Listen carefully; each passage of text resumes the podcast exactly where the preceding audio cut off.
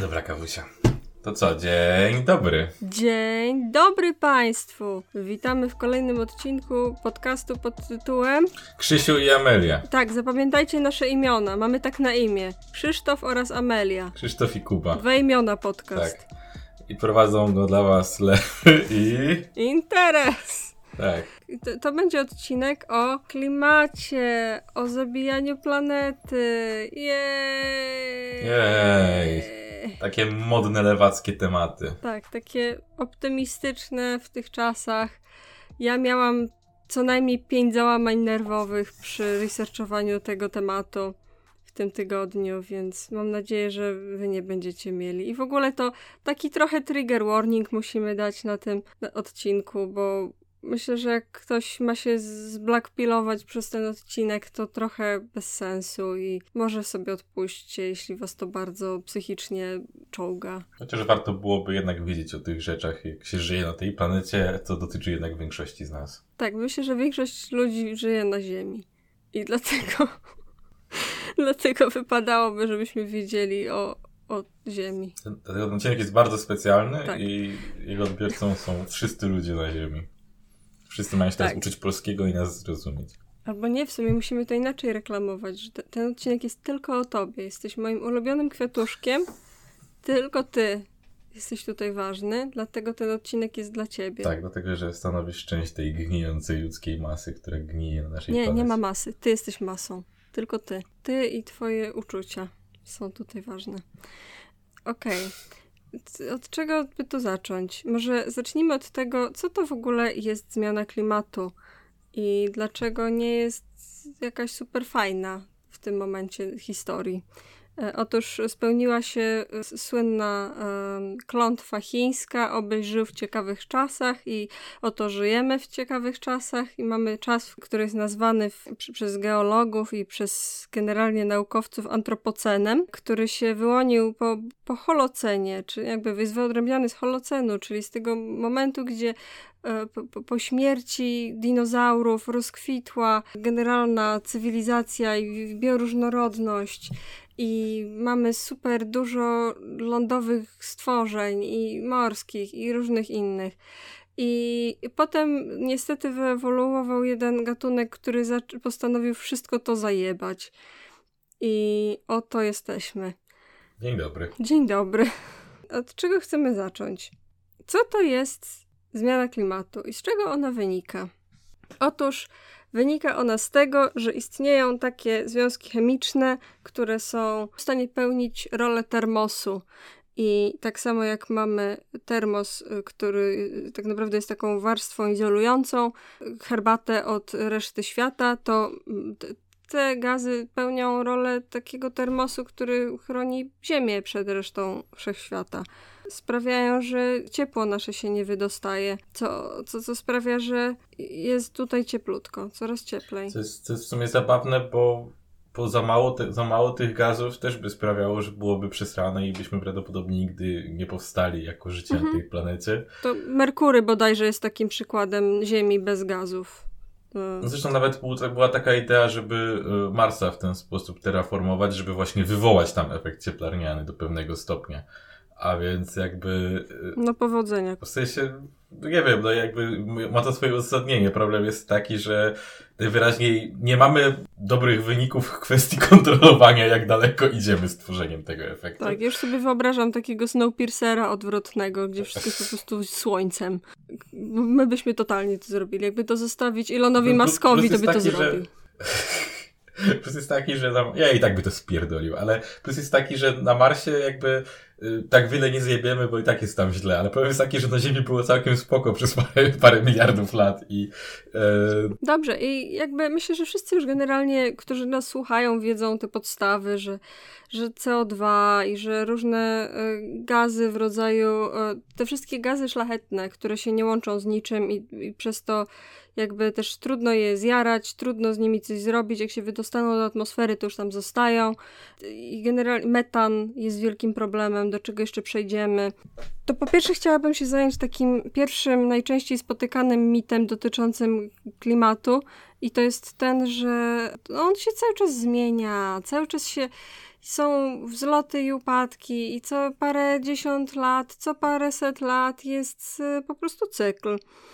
Często ludzie, którzy y, tak mówią, y, wskazują na to, że no dobra, w niektórych częściach świata jest rzeczywiście trochę wyższa temperatura, ale na przykład na Antarktydzie troszeczkę przybyło nawet lodu. I to wystarczy. I to uważają, że to jest wystarczające, że troszeczkę na Antarktydzie przybyło lodu. E, I są rzeczywiście badania, i są to badania bardzo takie szanowane. Ludzi, którzy twierdzą, że po prostu efekt cieplarniany się nie zaczął jeszcze na e, Antarktydzie. Za to niestety, jakby, owszem, jest jakaś ilość lodu, która przybywa na południu Ziemi, to na północy ubywa go tak wykurwiście szybko, że nie równoważy się to w ogóle. I generalnie jak popatrzycie na graf, może gdzieś tutaj na YouTubie wrzucę graf, jak wygląda powierzchnia e, lądolodu i lodu w ogóle na e, Arktyce, to jest po prostu równia pochyła.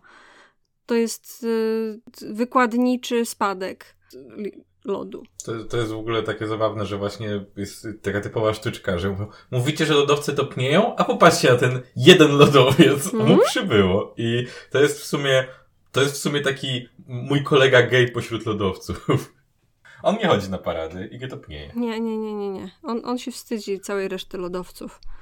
On jest szanowany, szanowany w pracy, w, w IT, w branży i on nie topnieje oprócz tego jest jeszcze taki problem z tym, że y, najczęściej fajnie się patrzy zawsze zimą. Po zimie się na tych wszystkich stronach internetowych, spiskowych, że widzicie, mm. zimą przybyło przybyło lodu. Tylko, że jak popatrzysz, jak trochę wyzumujesz i popatrzysz na, na to, ile ich, ich przybywa, to to jest tak, że jest taki malutki ząbek w górę zimą i kolosalny spadek latem. Maleńki, maleńki, maleńki ząbek zimą w górę i jeb w dół znowu. W, y, I to wygląda jak schody, tylko że wyobraź sobie schody, w którym schodek ma metr wysokości i nie wiem, 10 centymetrów szerokości. Więc to po pierwsze. A o, o, co nam chodzi z lodowcami? Po pierwsze, lodowce są spoko, bo wystają nad, nad poziom morza. A jak je rozpuścisz, to już nie będą wystawały nad poziom morza, tylko będą poziomem morza i ten poziom morza będzie wyższy, co nie? A po drugie, lodowce mają taką miłą y, właściwość, że są białe. A co robi kolor biały? Odbija światło. I dzięki temu w Ziemi nie, nie jest więżone to światło, ta energia słoneczna, która normalnie by była przy, wchłaniana przez Ziemię. E, co, to znaczy, że im bardziej lodowce topnieją, tym szybciej będzie zachodziło ocieplenie klimatu. A jeszcze chciałem dodać tylko odnośnie topnienia lodowców, które są nad poziomem morza, że jest taki jeszcze jeden mit, który ludzie często mówią, że jak lód się mhm. unosi na wodzie, to jak się roztopi, to poziom wody się nie podnosi. I to jest prawda, ale to jest tylko wtedy, gdy lód unosi się bezpośrednio na wodzie, a duża część, większość lodowców znajduje się na jakiejś e, ziemi, e, z której spłynie do wody. I w rezultacie tak podniesie poziom morza. To nie jest tak, że cały biegun południowy i cały biegun północny i cała Grenlandia po prostu są kostkami lodu wiszącymi w oceanie. To znajduje się na ziemi i z tej ziemi spłynie do wody i zwiększy poziom wody, więc ten argument o kostce lodu jest również kolejnym debilizmem powtarzanym przez ludzi, którzy uparcie próbują zaprzeczyć nauce, udając, że są prawdziwymi, że znają tą prawdziwą naukę. Może przejdźmy jeszcze do paru innych mitów, które są często widoczne. Jak sądzisz, e, jak to jest, Krzysiu, że jest aż tyle mm, CO2. W, czy, czy to nie jest na przykład, nie wiem, z, z takiego normalnego spalania, nie wiem, z oddychania ludzi? Czy czemu, czemu ten w ogóle to CO2 jest e, w, w atmosferze i czemu jest go coraz więcej? Pewnie zbieg okoliczności. Ja też sądzę, że zbieg okoliczności. Ja myślę, że to mój wujek jako prank zrobił po prostu. po prostu jak, ma, jak robią pomiary, to ktoś stoi i chucha na, na to urządzenie, co robi pomiar. Ogólnie tak, często mm, na przykład takim argumentem, dobrych parę lat temu e, walnął ten wielki wulkan na Islandii. E, padła argumentacja, że oj, widzicie ile to CO2 wypuszcza w atmosferę, to, to jest dowód na to, że to ludzkie CO2 to właściwie się nie liczy. Ale to jest kolejna bzdura. E, jest coś takiego jak e, efekt Susa. I ten efekt polega na tym, że z biegiem czasu, od momentu rozwoju cywilizacji e, industrialnej, powiedzmy, zmienia się rodzaj węgla, jaki obserwujemy w atmosferze, w wodzie, z której, w której osadza się z atmosfery. Otóż y, węgiel ma różne izotopy i na podstawie, i różne izotopy funkcjonowały, znaczy pojawiały się na różnych e, elementach, e, inaczej. Różne izotopy powstawały w różnych okresach istnienia świata. I teraz inne izotopy węgla były bardzo wszechobecne w trakcie, gdy powstawały złoża węgla i ropy. I ich nie powinno być zbyt dużo swobodnie znajdujących się w naszej atmosferze. Tymczasem jest ich coraz więcej i co dodatkowo możemy zauważyć jednoznaczny wzrost od momentu, w sensie jest jednoznaczna korelacja między wzrostem tych izotopów, jakby stosunku tych izotopów do innych izotopów, od momentu, w którym zaczęliśmy tworzyć właśnie produkcję przemysłową, czy no też komunikacja y, spalinowa, ogólnie samochody, y, samochody z silnikami spalinowymi też się do tego przyczyniły, ale one akurat nie są aż tak gigantycznym elementem. Przede wszystkim produkcja. Tak, więc jesteśmy w stanie bardzo jednoznacznie pokazać, że ten węgiel, który znajduje się w naszej atmosferze, który jest problemem, jednoznacznie pochodzi właśnie z e, przemysłu. O, o tym chciałem powiedzieć, że to czasami się pojawia taki argument, że no, ale skąd możemy wiedzieć naprawdę, jakie były kiedyś te izotopy? Przecież tego nie dało się zbadać tam, kiedy powstawała, powiedzmy, rewolucja przemysłowa. Ale możemy to zbadać bardzo prosto, dlatego że do niedawna w każdym razie lód się głównie akumulował na biegunach.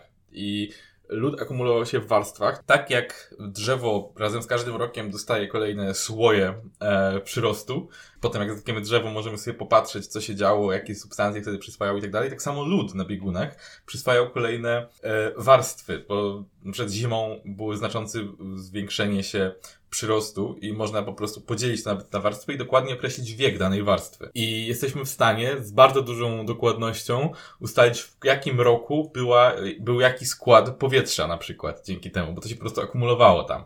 I w rezultacie możemy, jak popatrzymy sobie na taki słup lodu, bo to się tak robi, że się dryluje takie głębokie supy, wycina się je z lodu i jesteśmy w stanie na miliony lat wstecz nawet zobaczyć jaki był skład atmosfery dzięki temu.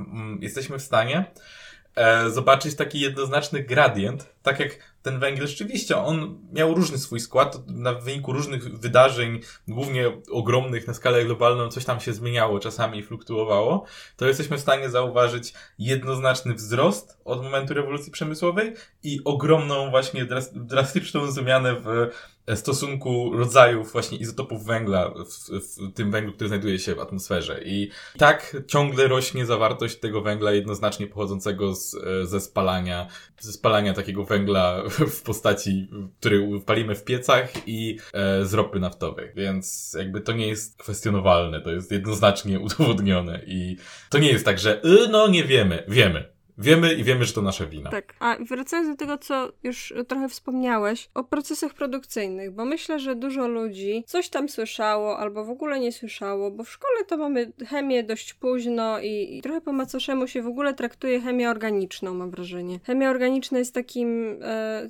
czymś, co masz może na maturze, jak, jak masz rozszerzoną i tak dalej. Jak, tak, jak... na ogół jest na przykład w trzeciej klasie, kiedy już, e, kiedy już człowiek się mało na tym skupia, bo się skupia na tym, na czym się specjalizuje do podmaturę i, i tylko ci, którzy naprawdę uczą się chemii, potem cokolwiek o tym wiedzą, nie? Więc chciałabym trochę wspomnieć o tym w ogóle, jak działa przemysł petrochemiczny, bo jak się mówi o tych 20 czy tam 30 korporacjach na świecie, które produkują najwięcej CO2, e, produkują te 70% CO2 z całego świata, to warto zauważyć, że one w zasadzie wszystkie są korporacjami petrochemicznymi.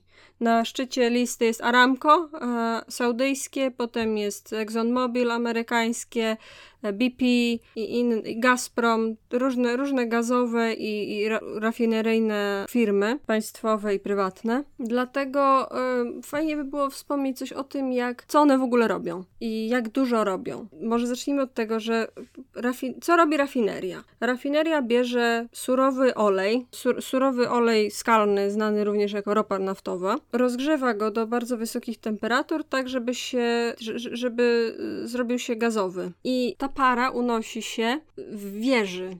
E, to wygląda jak, jak widzicie rafinerię i ona ma taki jeden bardzo wysoki komin, to to jest właśnie ta wieża. I w tej wieży są tace, na których jest, się zbiera skroplony gaz. Im lżejsze cząsteczki, im mniejsze cząsteczki zazwyczaj, tym wyżej będzie się unosił gaz i tym wyżej on zostanie i zostanie oddzielony od reszty. Więc na najwyższej półce mamy benzynę, e, która, która ma najmniejsze cząsteczki. Trochę niżej jest nafta, trochę niżej jest kerosyn, czy jak to się nazywa? Kerosyna po prostu? Kerosyna. Kerosyna, czyli yy, paliwo lotnicze. E, niżej diesel, niżej ciężki olej tak zwany, a na samym dole mamy resztki, które są zazwyczaj palone albo czasem może, mogą być zmienione w asfalt, ale w zasadzie to niby się mówi, że nic się nie marnuje w przemyśle petrochemicznym, tak naprawdę bardzo dużo się marnuje i bardzo dużo się spala. I właśnie część z tego spalania wynika część CO2, który jest uwalniany do, do atmosfery. W ogóle to jest, to jest, jeszcze tylko wspomnę, że to jest zabawne, ale właśnie nafta i kerosyna długi czas były jedynymi surowcami jakby pozyskiwanymi z ropy, które ludzie chcieli i ropę pozyskiwano już od bardzo dawna, e, w sensie od bardzo dawna. Przez wiele lat ją pozyskiwano i benzynę się po prostu E, odparowywało albo w ogóle wy, wyrzucało. Ona była uważana za zupełnie niepotrzebną, co jest coś zabawne. Jakby ona mm. przez długi czas była uważana za taki odpad chemiczny, który zresztą wlewali do rzek i po prostu starali się o niej zapomnieć. Więc to, co teraz się najbardziej kojarzy jak taki produkt, e, bardzo długi czas było produktem ubocznym, którego trzeba było się pozbyć przy okazji zatruwając lokalne środowisko. Te czasy, kiedy po prostu miałeś, miałeś jakieś, jakiekolwiek odpady, to wywalnęło się do rzeki i chuj teraz chciałabym się zatrzymać przy tej drugiej półce, czyli przy nafcie, bo właśnie z nafty wytwarza się inne produkty, które będą zaraz dla nas ważne. W zasadzie każdy, e, każda półka, z wyjątkiem tej najwyższej, z wyjątkiem benzyny, są poddawane różnym procesom chemicznym. One się różnie nazywają i na różnych rzeczach polegają, ale generalnie zawsze chodzi o to, żeby pociąć dużą cząsteczkę na małe cząsteczki, żeby były, było łatwiej, żeby łatwiej wchodziła w reakcję. Czasem, żeby łatwiej wchodziła w reakcję, czasem po to, żeby była bardziej stabilna. Na przykład w, w właśnie paliwa wysokooktanowe polegają na tym, że chcesz, żeby były bardziej stabilne, żeby się nie zapalały randomowo. I jak już masz te, jak już masz naftę, zrobisz z nią chemicznie różne rzeczy z, z pomocą różnych katalizatorów, to, to, to, się nazywa reforming nafty. Między innymi robisz, jesteś w stanie naprawdę bardzo dużo zrobić, bo chemia organiczna to jest w zasadzie nieograniczona liczba kombinacji, nieograniczona liczba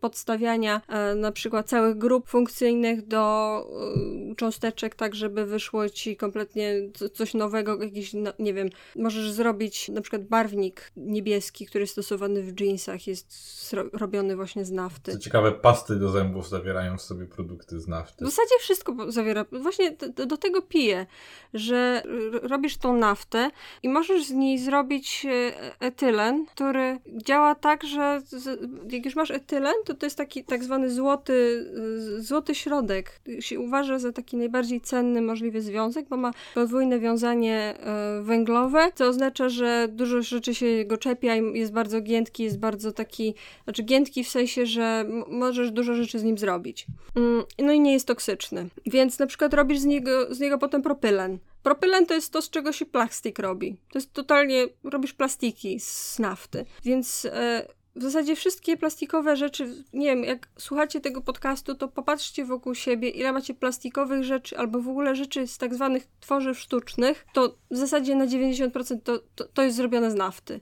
nie wiem, pro, protezy, pasta do zębów, dużo, w zasadzie duża część na przykład barwników, e, karoseria aut, wszystko to jest zrobione z nafty, więc to musimy mieć na uwadze, jak mówimy o jakichkolwiek reformach w ogóle gospodarki i tego, jak funkcjonuje nasz świat że to nie jest tylko tak, że z ropy się robi jakąś tam liczbę, nie wiem, paliwo. Właśnie mam bardzo często wrażenie, że ludzie się ograniczają do myślenia o paliwie, nie? Że przestanę jeździć samochodem, to ratuje planetę, nie ma problemu, rozwiązane. I no, jest w tym o, o, tyle dużo prawdy, że rzeczywiście pa paliwo jest y, no, spalane, więc jakby bezpośrednio szkodzi środowisku, ale w tych wszystkich procesach e, rafineryjnych nadal, w, w tych wszystkich procesach przetwarzania nafty na inne związki chemiczne, w zasadzie wszystkie te procesy mają dwa produkty uboczne: wodę i CO2.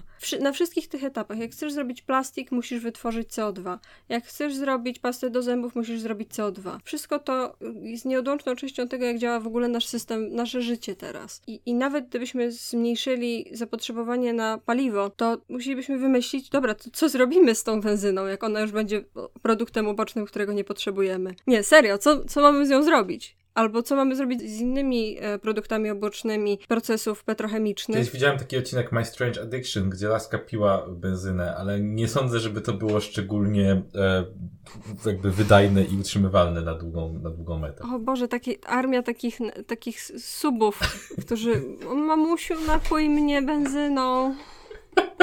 Fembojów. Okay. Fembojów, którzy piją benzynę.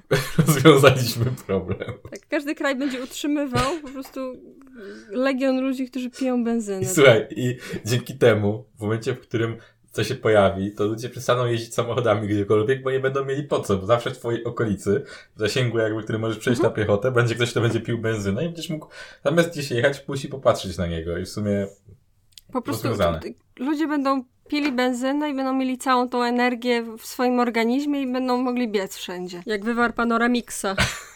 tak. Znaczy ta laska sobie po prostu rozpierdoliła wątrobę z tego co pamiętam, więc to nie do końca tak zadziałało, ale myślę, że gdyby, gdyby wziąć i porozmawiać z benzyną, to byśmy wypracowali jakiś kompromis. Big benzyno. I jeszcze o, oczywiście wszystkie te procesy na każdym etapie, o którym mówiłam, są, się wiążą z olbrzymimi po prostu zanieczyszczeniami, bo optymistyczna wersja jest taka, że zjarasz po prostu te, te resztki, ale istnieje możliwość, że wlejesz je do rzeki, do morza, albo w ogóle przy wydobywaniu oleju z ziemi ziemi zrobisz wielki spill, tak jak zrobili, zrobiło BP e, parę lat temu, jak był Deepwater Horizon. I jak robią regularnie w sumie. Który, który notabene nadal przecieka, nadal truje i nikt z tym nic nie robi, po prostu oficjalnie stwierdzono, że już jest zatkane 10 lat temu i totalnie wszyscy, którzy tam łowią ryby i widzą ile tam ryb umiera, mówią totalnie nie jest zatkane, ale nikt ich nie słucha, bo oficjalna wersja amerykańska jest taka, że jest zatkane.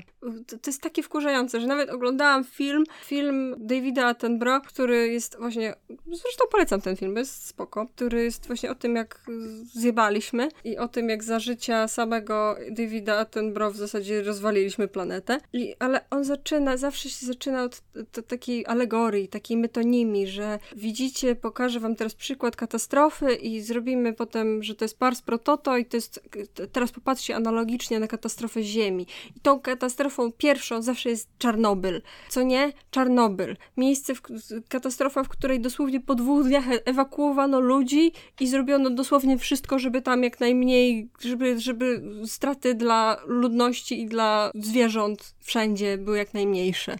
A na przykład masz katastrofę Deepwater Horizon, w której też zginęli ludzie też totalnie zginęli ludzie i też y, na przykład w zasadzie to się o tym tak wprost nie mówi, bo płacą komu trzeba, żeby o tym nie mówić, ale za każdym razem jak masz, jak masz taki wyciek na przykład ropy albo tankowiec zatonie, bo na Alasce był taki przypadek chyba 20 lat temu, że zatonął tankowiec i zrobił syf wszędzie i zginęły jakieś 90% ryb, które tam żyły i wszyscy rybacy stracili pracę, e, to za każdym razem wtedy jakby ludzie, no, no nie wiem, no, nie, ale przynajmniej ludzie nie zginęli.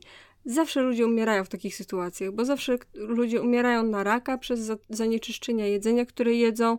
Ludzie umierają z powodu biedy, która się tworzy, kiedy nagle tracą pracę. Więc to wszystko są wielkie katastrofy, które są kapitalistyczne. Na przykład z takich katastrof, o których można pomyśleć, które działy się strasznie długo i nikt z nimi nic nie chciał zrobić, dla mnie, za taką jedną z najbardziej zbrodni kapitalizmu, mm. jest stworzenie idei benzyny ołowiowej. To było tak debilne, bo jakby mieli, mieli ten problem, że pojawiały się te backfire, że, że, że benzyna strzelała i i to, to było szkodliwe dla, dla silników i dla w ogóle samochodów, więc wymyślili, hmm, jakby rozwiązać problem.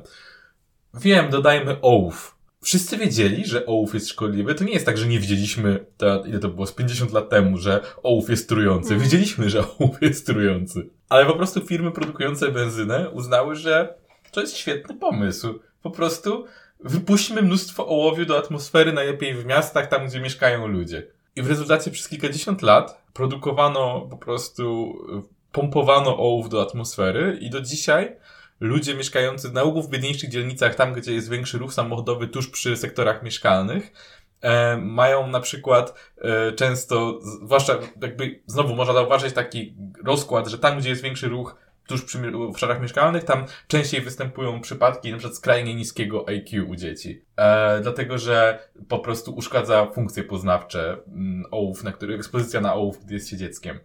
E, I, I to do dzisiaj jest. I dodatkowo tak samo e, ten ołów osadzał się na e, polach rosnących przy drogach ekspresowych na przykład. I ludzie potem żarli ten ołów, więc wdychali i żarli i do dzisiaj żrą, dlatego że ten ołów dalej jest w tej glebie.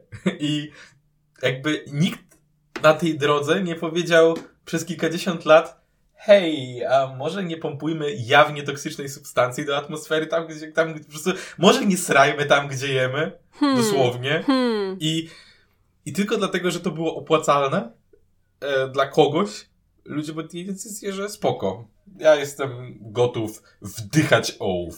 Jakbyśmy zapytali ludzi wprost, czy są gotowi e, pozwolić komuś, żeby po prostu pompował im ołów do powietrza, którym będą oddychać i do jedzenia, które będą jeść, żeby, żeby nie musiał wymyślić innego rozwiązania do swojego problemu, gdybyśmy powiedzieli, hej, co wolicie? Trochę zwiększyć koszt benzyny i przy okazji zmusić ludzi do znalezienia, poświęcić, żeby poświęcili więcej czasu i pieniędzy na opracowanie rozwiązania, czy wdychać ołów do końca życia, to jestem prawie pewien, że wybraliby tą pierwszą opcję. Wybraliby cokolwiek, co nie byłoby wdychaniem ołowiu.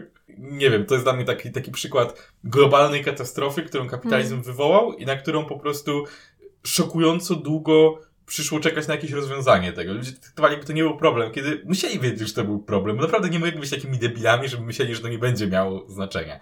Ale w sumie, jak o tym pomyślimy, to trochę podobnym, to już jest trochę, trochę schodzę z trasy, ale chodziło mi o to, że... Właśnie mam wrażenie, że wchodzisz na trasę, bo trasą jest globalne ocieplenie i dokładnie to samo robimy my wszyscy teraz. I, i takim, takim elementem, który na przykład też nie przestaje mnie zadziwiać, jest w ogóle produkcja plastiku, a i odkładanie go na wysypiskach śmieci bez, bez planu na recykling. Tak, i to jest też, to, to jest też, też coś, o czym chciałabym, e, jakby o to mi chodziło w tym poprzednim, co, co mówiłam, że jakby jak mówimy o plastiku i o ograniczeniu użycia plastiku, najczęściej się o tym mówi w kontekście zaśmiecania planety i zaśmiecania oceanów i tak dalej. To jest oczywiście problem, ale jeszcze większym problemem jest to, że nie wszystkie te rzeczy da się recyklingować. Nawet, e, hmm. nawet plastik recy recyklowalny który często się reklamuje i często się mówi ludziom, że można go wrzucać do e, pojemników bio. Nie można go wrzucać do pojemników bio. One są recyklowalne, ale są kompostowalne przemysłowo, w specjalnych przemysłowych kompostowarkach,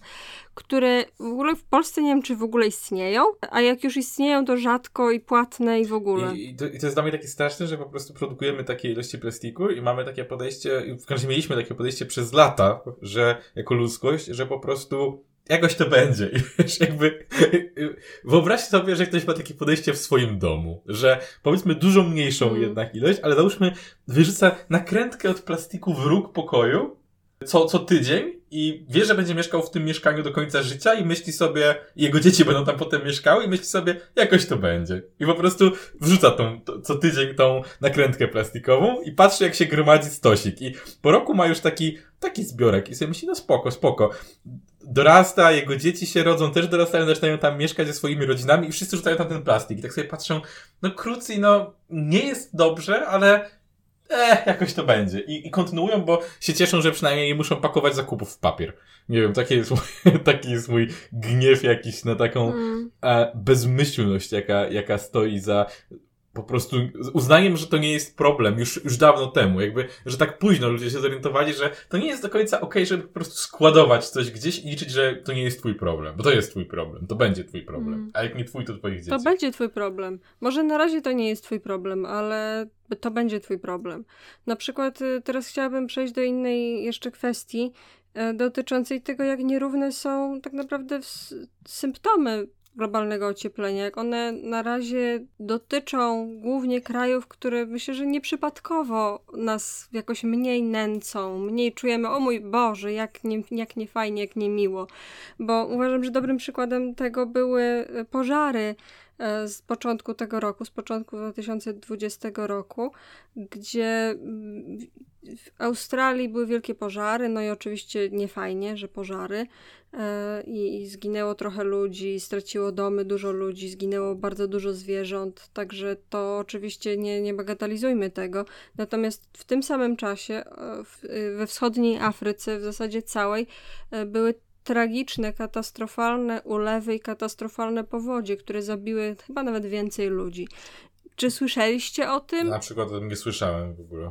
Ja słyszałam o tym dopiero właśnie w materiałach, które wskazywały na to, czemu nikt nie gada o wschodniej Afryce, bo tam giną ludzie i są, jest, jest bardzo wysokie na przykład ryzyko epidemii przenoszonych przez komary, bo musicie wiedzieć, że wszędzie będzie ten problem, że będą coraz bardziej pojebane komary, które będą przenosić coraz gorsze choroby. I w Polsce też. Także no, i one będą coraz bardziej oporne y, wobec y, środków przeciw, y, przeciwkomarowych, które się teraz stosuje. Mm, ale jest coś takiego jak dipol na Oceanie Indyjskim.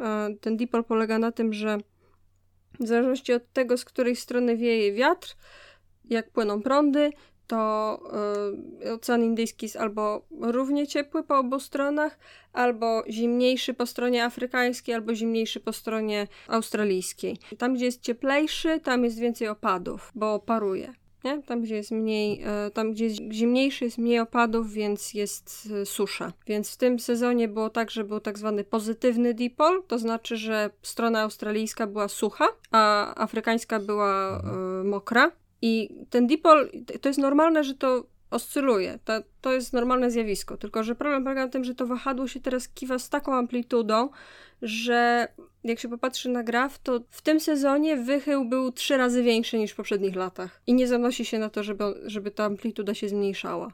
To znaczy, no, będzie coraz gorzej. E, więc na, na razie to, to widać, jakby widać białą supremację w tym, jak się mówi o globalnym ociepleniu. I widać to też w tym, jak się mówi o, o wszystkich y, rolniczych sprawach. Że się mówi, że o to Polska będzie miała taki klimat jak Włochy, jak będzie globalne ocieplenie. Po pierwsze, klimat w Polsce tak naprawdę nie ma żadnego znaczenia. Możemy, Holandia wcale nie jest cieplejsza od nas, a mają o wiele, więcej, mają wiele więcej eksportów niż my, bo mają po prostu lepszą jakość.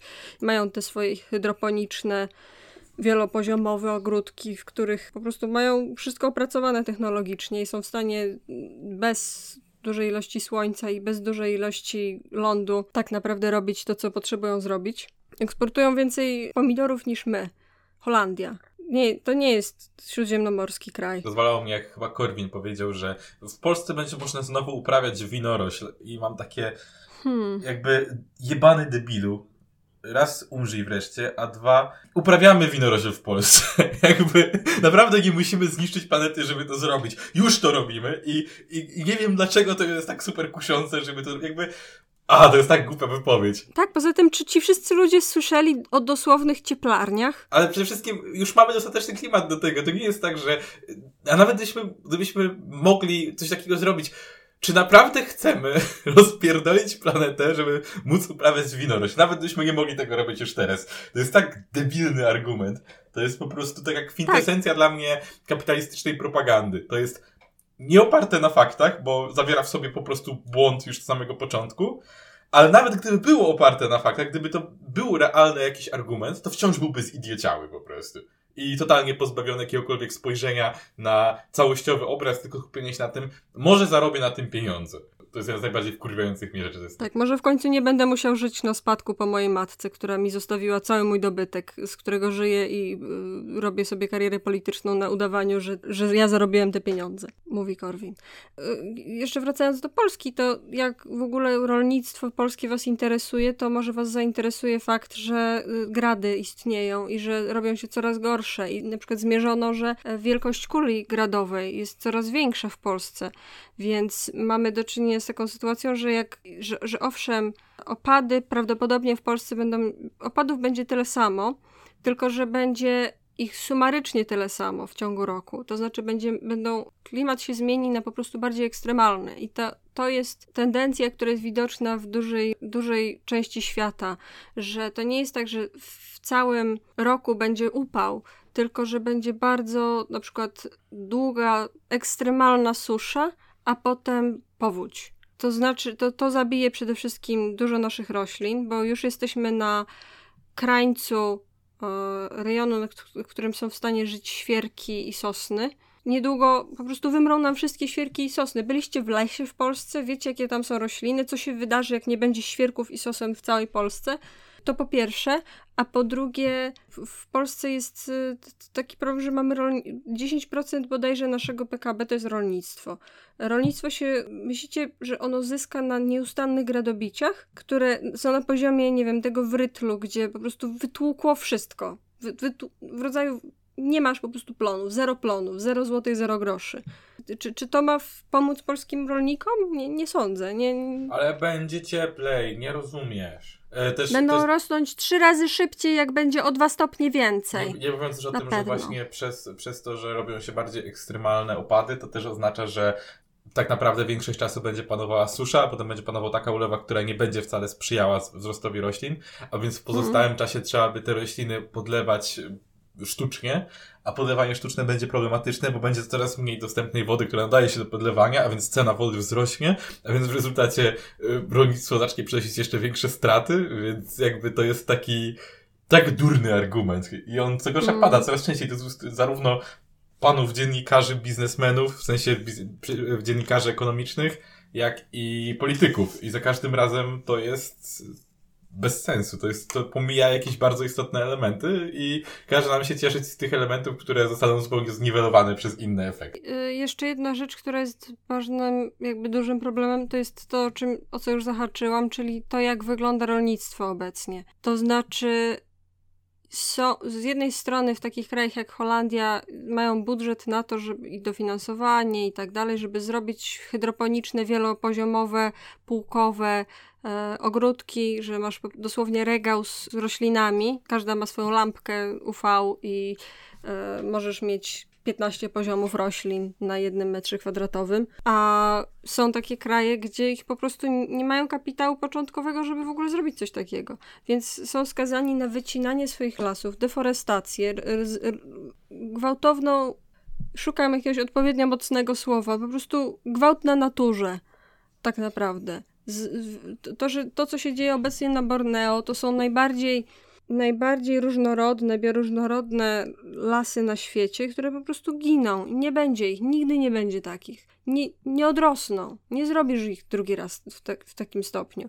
Orangutany niedługo wyginą. Na Ziemi wytłuczono już tyle gatunków zwierząt dla czystej rozrywki, a teraz robimy to tak naprawdę dlatego, że nie chce nam się zainwestować albo pomóc innym krajom, żeby zrobiły bardziej sensowną, sensowną politykę rolną, która im będzie na przykład zabraniała albo przynajmniej będzie ich zachęcała do tego, żeby nie wycinały kolejnych kawałów lasu. To jest po pierwsze problem dlatego, że wtedy nie ma lasów, a po drugie dlatego, że teraz w tych lasach żyją dzikie zwierzęta. A jak ludzie zaczynają mieszkać koło dzikich zwierząt, to robią się na przykład wirusy na przykład takie jak ten wirus. Mm, I to jest też bezpośredni, jakby bezpośrednie następstwo deforestacji, że mamy, nagle się okazuje, że mieszkasz koło habitatu dzika, który ma jakiegoś pojebanego wirusa, albo nietoperza, który ma pojebanego wirusa i jeszcze co gorsza próbujesz jeść te rzeczy, te zwierzęta. Mm, zazwyczaj, to, to już zbadano, że zazwyczaj nowe wirusy się, się, się zaczynają tam, gdzie, się, kiedy, gdzie ktoś właśnie założył nowe miasto, albo gdzie ktoś właśnie założył nową osadę, w której coś wydobywa, albo coś wytwarza. Bo wtedy ludzie się przeprowadzają, myślą sobie, a jakie śmieszne zwierzątko, spróbuję je zjeść. Mm, się okazuje, że umiera na tajemniczą chorobę i mamy problem. I to będzie się działo coraz częściej. I będzie się działo coraz częściej, jak sobie nie zdamy sprawy z tego, że post wzrost jest konieczny, a nikt sobie tego nie uświadamia. I nawet ludzie, którzy naprawdę powinni wiedzieć lepiej, na przykład Unia Europejska, nadal nikt w Unii Europejskiej, niby są jakieś tam inicjatywy, żeby dofinansowywać zrównoważony rozwój i coś tam, coś tam, ale to jest nadal rozwój. Nikt nie promuje tego, żeby przestać się rozwijać. A może powinniśmy zacząć to promować na poważnie, bo to jest coś, z czym chciałabym jakby już trochę zmierzać do końca, ale żyjemy w bardzo miłym świecie teraz. Mamy bardzo dużo luksusów, które, na które nigdy nikogo nie było stać. Ja jeszcze w tym tygodniu kupiłam albo korzystałam z kilkuset plastikowych rzeczy, których pewnie bym nie miała, gdyby żyła 100 lat temu. Musimy się przyzwyczaić do tej myśli, że to jest przejściowe. Nie będzie tak fajnie. Po prostu nie będzie tak fajnie w przyszłości. Będziemy musieli się trochę zwinąć, zamiast rozwinąć. I jesteśmy w takim momencie historii, gdzie już katastrofa się dzieje. Już jesteśmy na jakimś etapie filmu Ludzkie Dzieci, w którym już dystopia się dzieje, ma miejsce obecnie.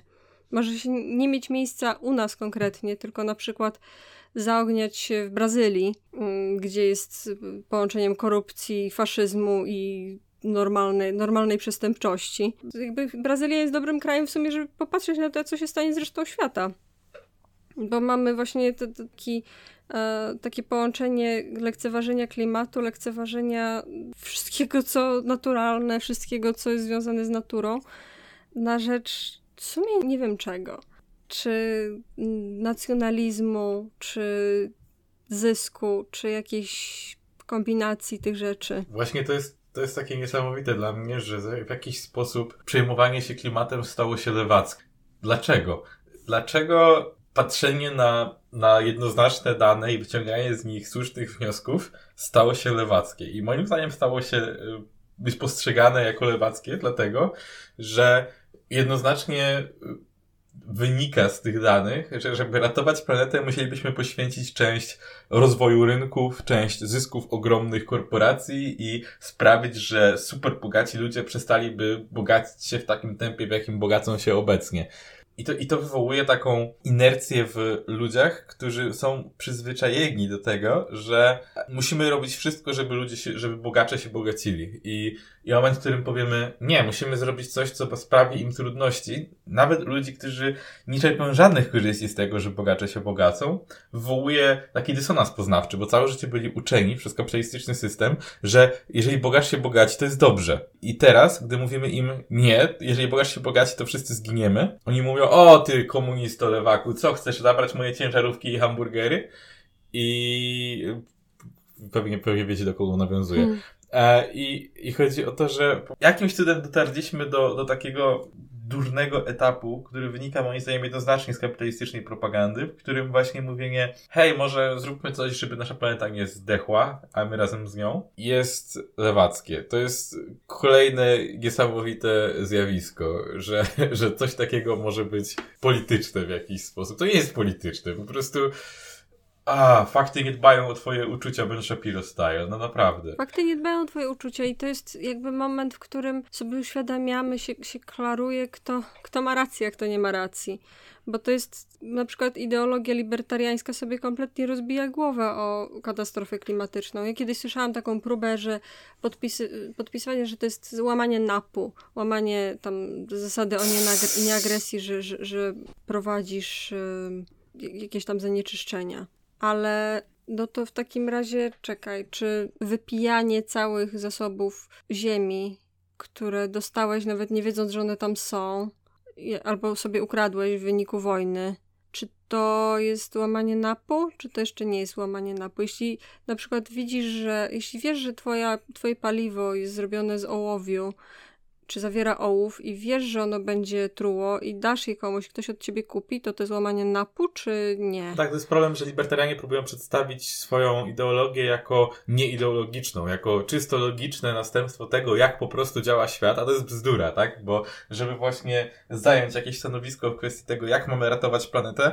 musisz podjąć decyzje, które nie będą opierały się tylko o do, dobrowolną wymianę monetarną, tak jak oni próbują przedstawić, że niby wszystko w ten sposób da się rozwiązać. Nie da się i prędzej czy później musisz właśnie zacząć podejmować takie decyzje, jak co, co łamie NAP, a co nie łamie NAP, a więc tym samym zabrać jakieś stanowisko w sporze, który z jakiegoś powodu stał się ideologiczny.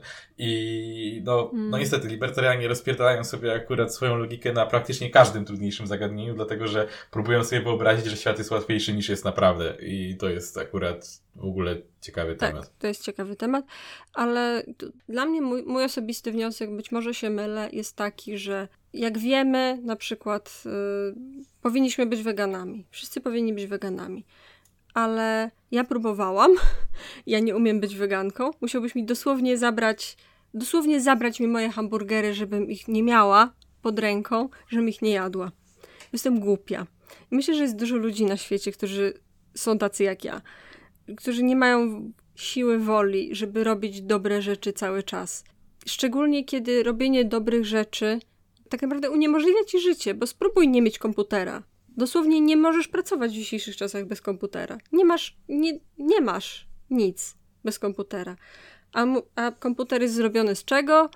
Z plastiku i z, a, a twoje mikroprzewodniki są zrobione z, z pierwiastków, które wydobywają jakieś niemowlęta w, w krajach trzeciego świata.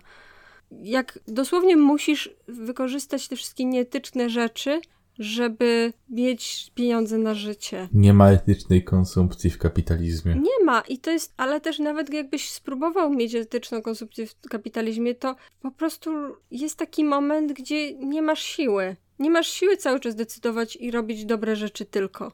I, I, myślę, że dużo ludzi tak ma, i dlatego myślę, że do jakiegoś stopnia jedyną opcją, żeby wyjść z tego kryzysu, jest jak, w jakiś stopień autorytaryzmu. I pytanie tylko, czy ten autorytaryzm zrobimy socjalistycznie, czy ten autorytaryzm będzie miał formę równościową jak, i, i, i, będzie w jakiś sposób odpowiedzialny społecznie, czy chcemy iść w stronę ekofaszyzmu. Bo to są, ja widzę tutaj tak naprawdę tylko dwie opcje. Nie ma trzeciej opcji, nie ma dobrej opcji, nie ma takiej, która by mi się podobała. Nie ma status quo. Ono już umiera. Mamy tylko do wyboru najgorsze dwie opcje – i musimy zdecydować teraz, którą wolimy.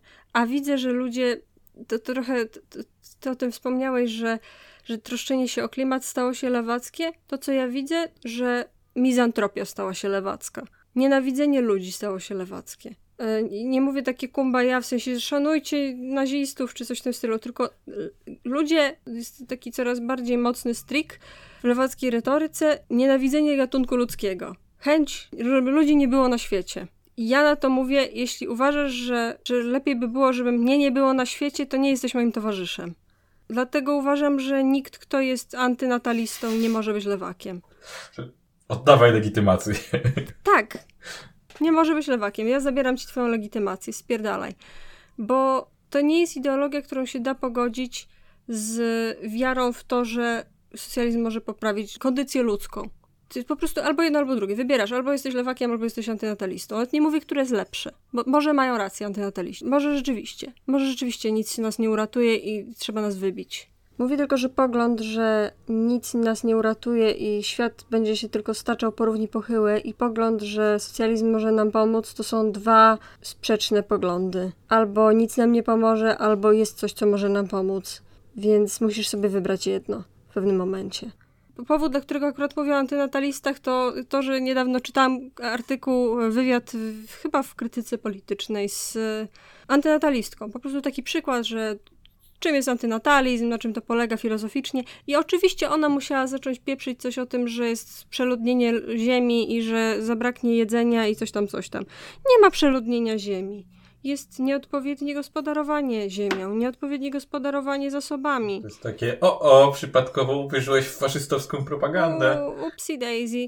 I też nie mówię, że antynataliści są faszystami, bo ja rozumiem, o co im chodzi. Wiem, że tutaj, tutaj chodzi wyłącznie o jak wybór, tak jak weganizm, że starasz się minimalizować ilość cierpienia na świecie, ale to jest taki rodzaj minimalizowania cierpienia na świecie, który też przypadkowo zupełnie też y, da się wprowadzić poprzez eugenikę, taką nieironiczną, prawdziwą eugenikę, bo efekt będzie taki, że jakoś zazwyczaj jest tak, że ludzie mówią o tym przeludnieniu ludzkości, jakoś nigdy nie mówią o tym, że to oni może konsumują najwięcej plastikowych rzeczy i to oni odpowiadają za te wszystkie e, tak naprawdę niekorzystne dla Ziemi rzeczy w rodzaju paliwo i tak dalej. Jakoś nigdy nie mówimy o tym w kategoriach, że to może to my w Europie to robimy, albo my biali to robimy, tylko się mówi, my, my ludzie. Zawsze to jest takie my ludzie i dlatego zawsze mnie odrzucają argumenty antynatalistyczne, które po prostu nie uwzględniają tego, że, że kiedy jesteś białym antynatalistą w Europie, to masz zupełnie inną pozycję w tej, w tej dynamice niż ktoś, kto jest, nie wiem, z Afryki. I, i dlatego mam takie, zawsze takiego wkurwa trochę, jak słyszę, szczególnie od ludzi, którzy naprawdę powinni wiedzieć lepiej, o, że w ogóle to jest takie nie, niewolnościowe według mnie. Antyaborcjoniści dają życiu ludzkiemu czy narodzinom człowieka zawsze pozytywną wartość, a antynataliści zawsze negatywną. I wydaje mi się, że żadna z tych opcji nie jest wolnościowa, bo uważam, że jest trochę hipokryzją mówienie najpierw, że tak, wszystko jest wyborem rodzica, wszystko jest wyborem osoby rodzącej dziecko, a potem mówimy, że a w sumie to tylko jeden z tych wyborów jest etyczny tak naprawdę jakby, jakbym ja miała nadać wartość życiu ludzkiemu, to bym powiedziała, że jest neutralna. Nie jest pozytywna ani negatywna. I wydaje mi się, że tego powinniśmy się trzymać jako osoby pro-choice. Mm. Po prostu uważam, że to jest tak, nie da się być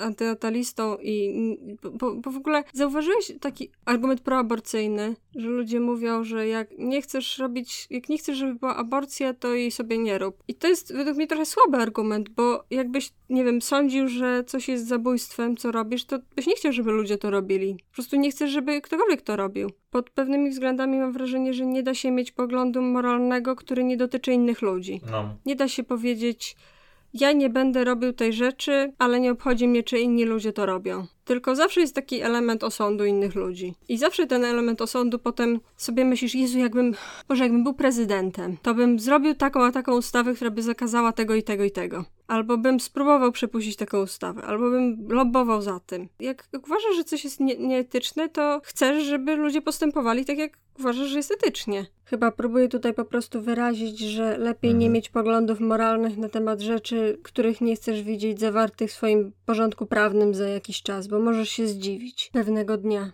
No dobra, a jeszcze, a, a, a mm, chciałabym zakończyć ten odcinek polecajką literacką, bo zbliża się sezon świąteczny i myślę, że dużo ludzi szuka prezentów dla swoich znajomych i rodziny.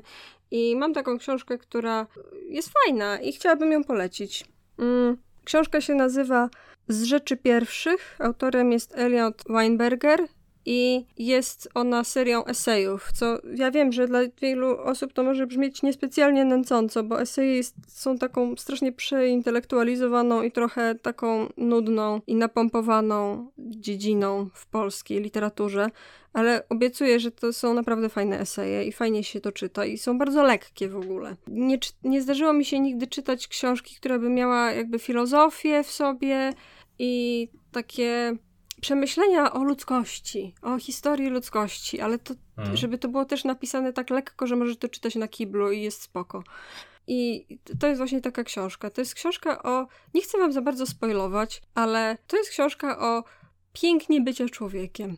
I dlatego chciałabym ją polecić akurat w tym odcinku, bo ona jest dla mnie była takim środkiem na black pill klimatyczny i na, była dla mnie środkiem na, e, na, na mizantropię, jaką czułam w tym momencie. Bo to jest książka o tym, jak owszem, ludzie nie są super, ale też są częścią świata i to jest, i to jest wszystko spoko.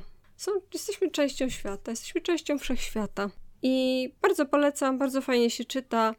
I teraz chciałabym przeczytać Wam, bo już dawno nie czytałam e, w tym podcaście żadnych fragmentów literackich, czy to poetyckich, czy prozatorskich. Mm, chciałabym przeczytać fragmenty eseju, jednego z najsłynniejszych esejów Weinbergera, który nie pochodzi z tej książki, bo nie chcę Wam spoilować, co tam jest. E, esej się nazywa Golce piaskowe. Pełen tekst y, będzie do znalezienia na moim blogu. Zalinkuję gdzieś w opisie. Elliot Weinberger Golce piaskowe Golce piaskowe nie mają futra, ale ich wargi są owłosione. Ich różowawo-centkowana skóra jest luźna i zwisa w fałdach, jakby straciły na wadze, dzięki czemu łatwiej jest przeciskać im się przez wąskie tunele.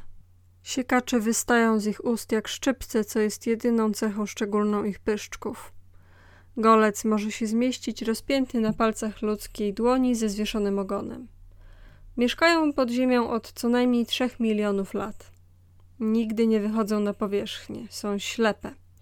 Ich świat nie jest labiryntem, ale prostym tunelem, długim na milę lub dwie, z niezliczoną ilością rozgałęzionych zaułków i pewnymi większymi komorami.